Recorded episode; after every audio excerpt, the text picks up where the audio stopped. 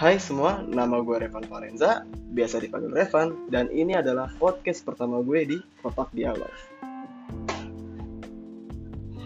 Di podcast pertama gue ini kayaknya gue nggak akan panjang lebar ya, karena ini adalah episode awal, mungkin bisa dibilang ini adalah pengenalan. Nah, timbul tuh pertanyaan, jadi apa sih kotak dialog itu? Nah, kotak dialog ini tuh mungkin isinya bakal gue isi dengan diskus sambil ngebahas ya hal-hal yang sering terjadi aja sih di lingkungan kita. Mau itu tentang pacar, mau itu tentang temen, sahabat, ya atau mungkin selingkuhan kali ya. Oke, jadi tetap terus stay tune dan pantengin di episode gue episode gue selanjutnya.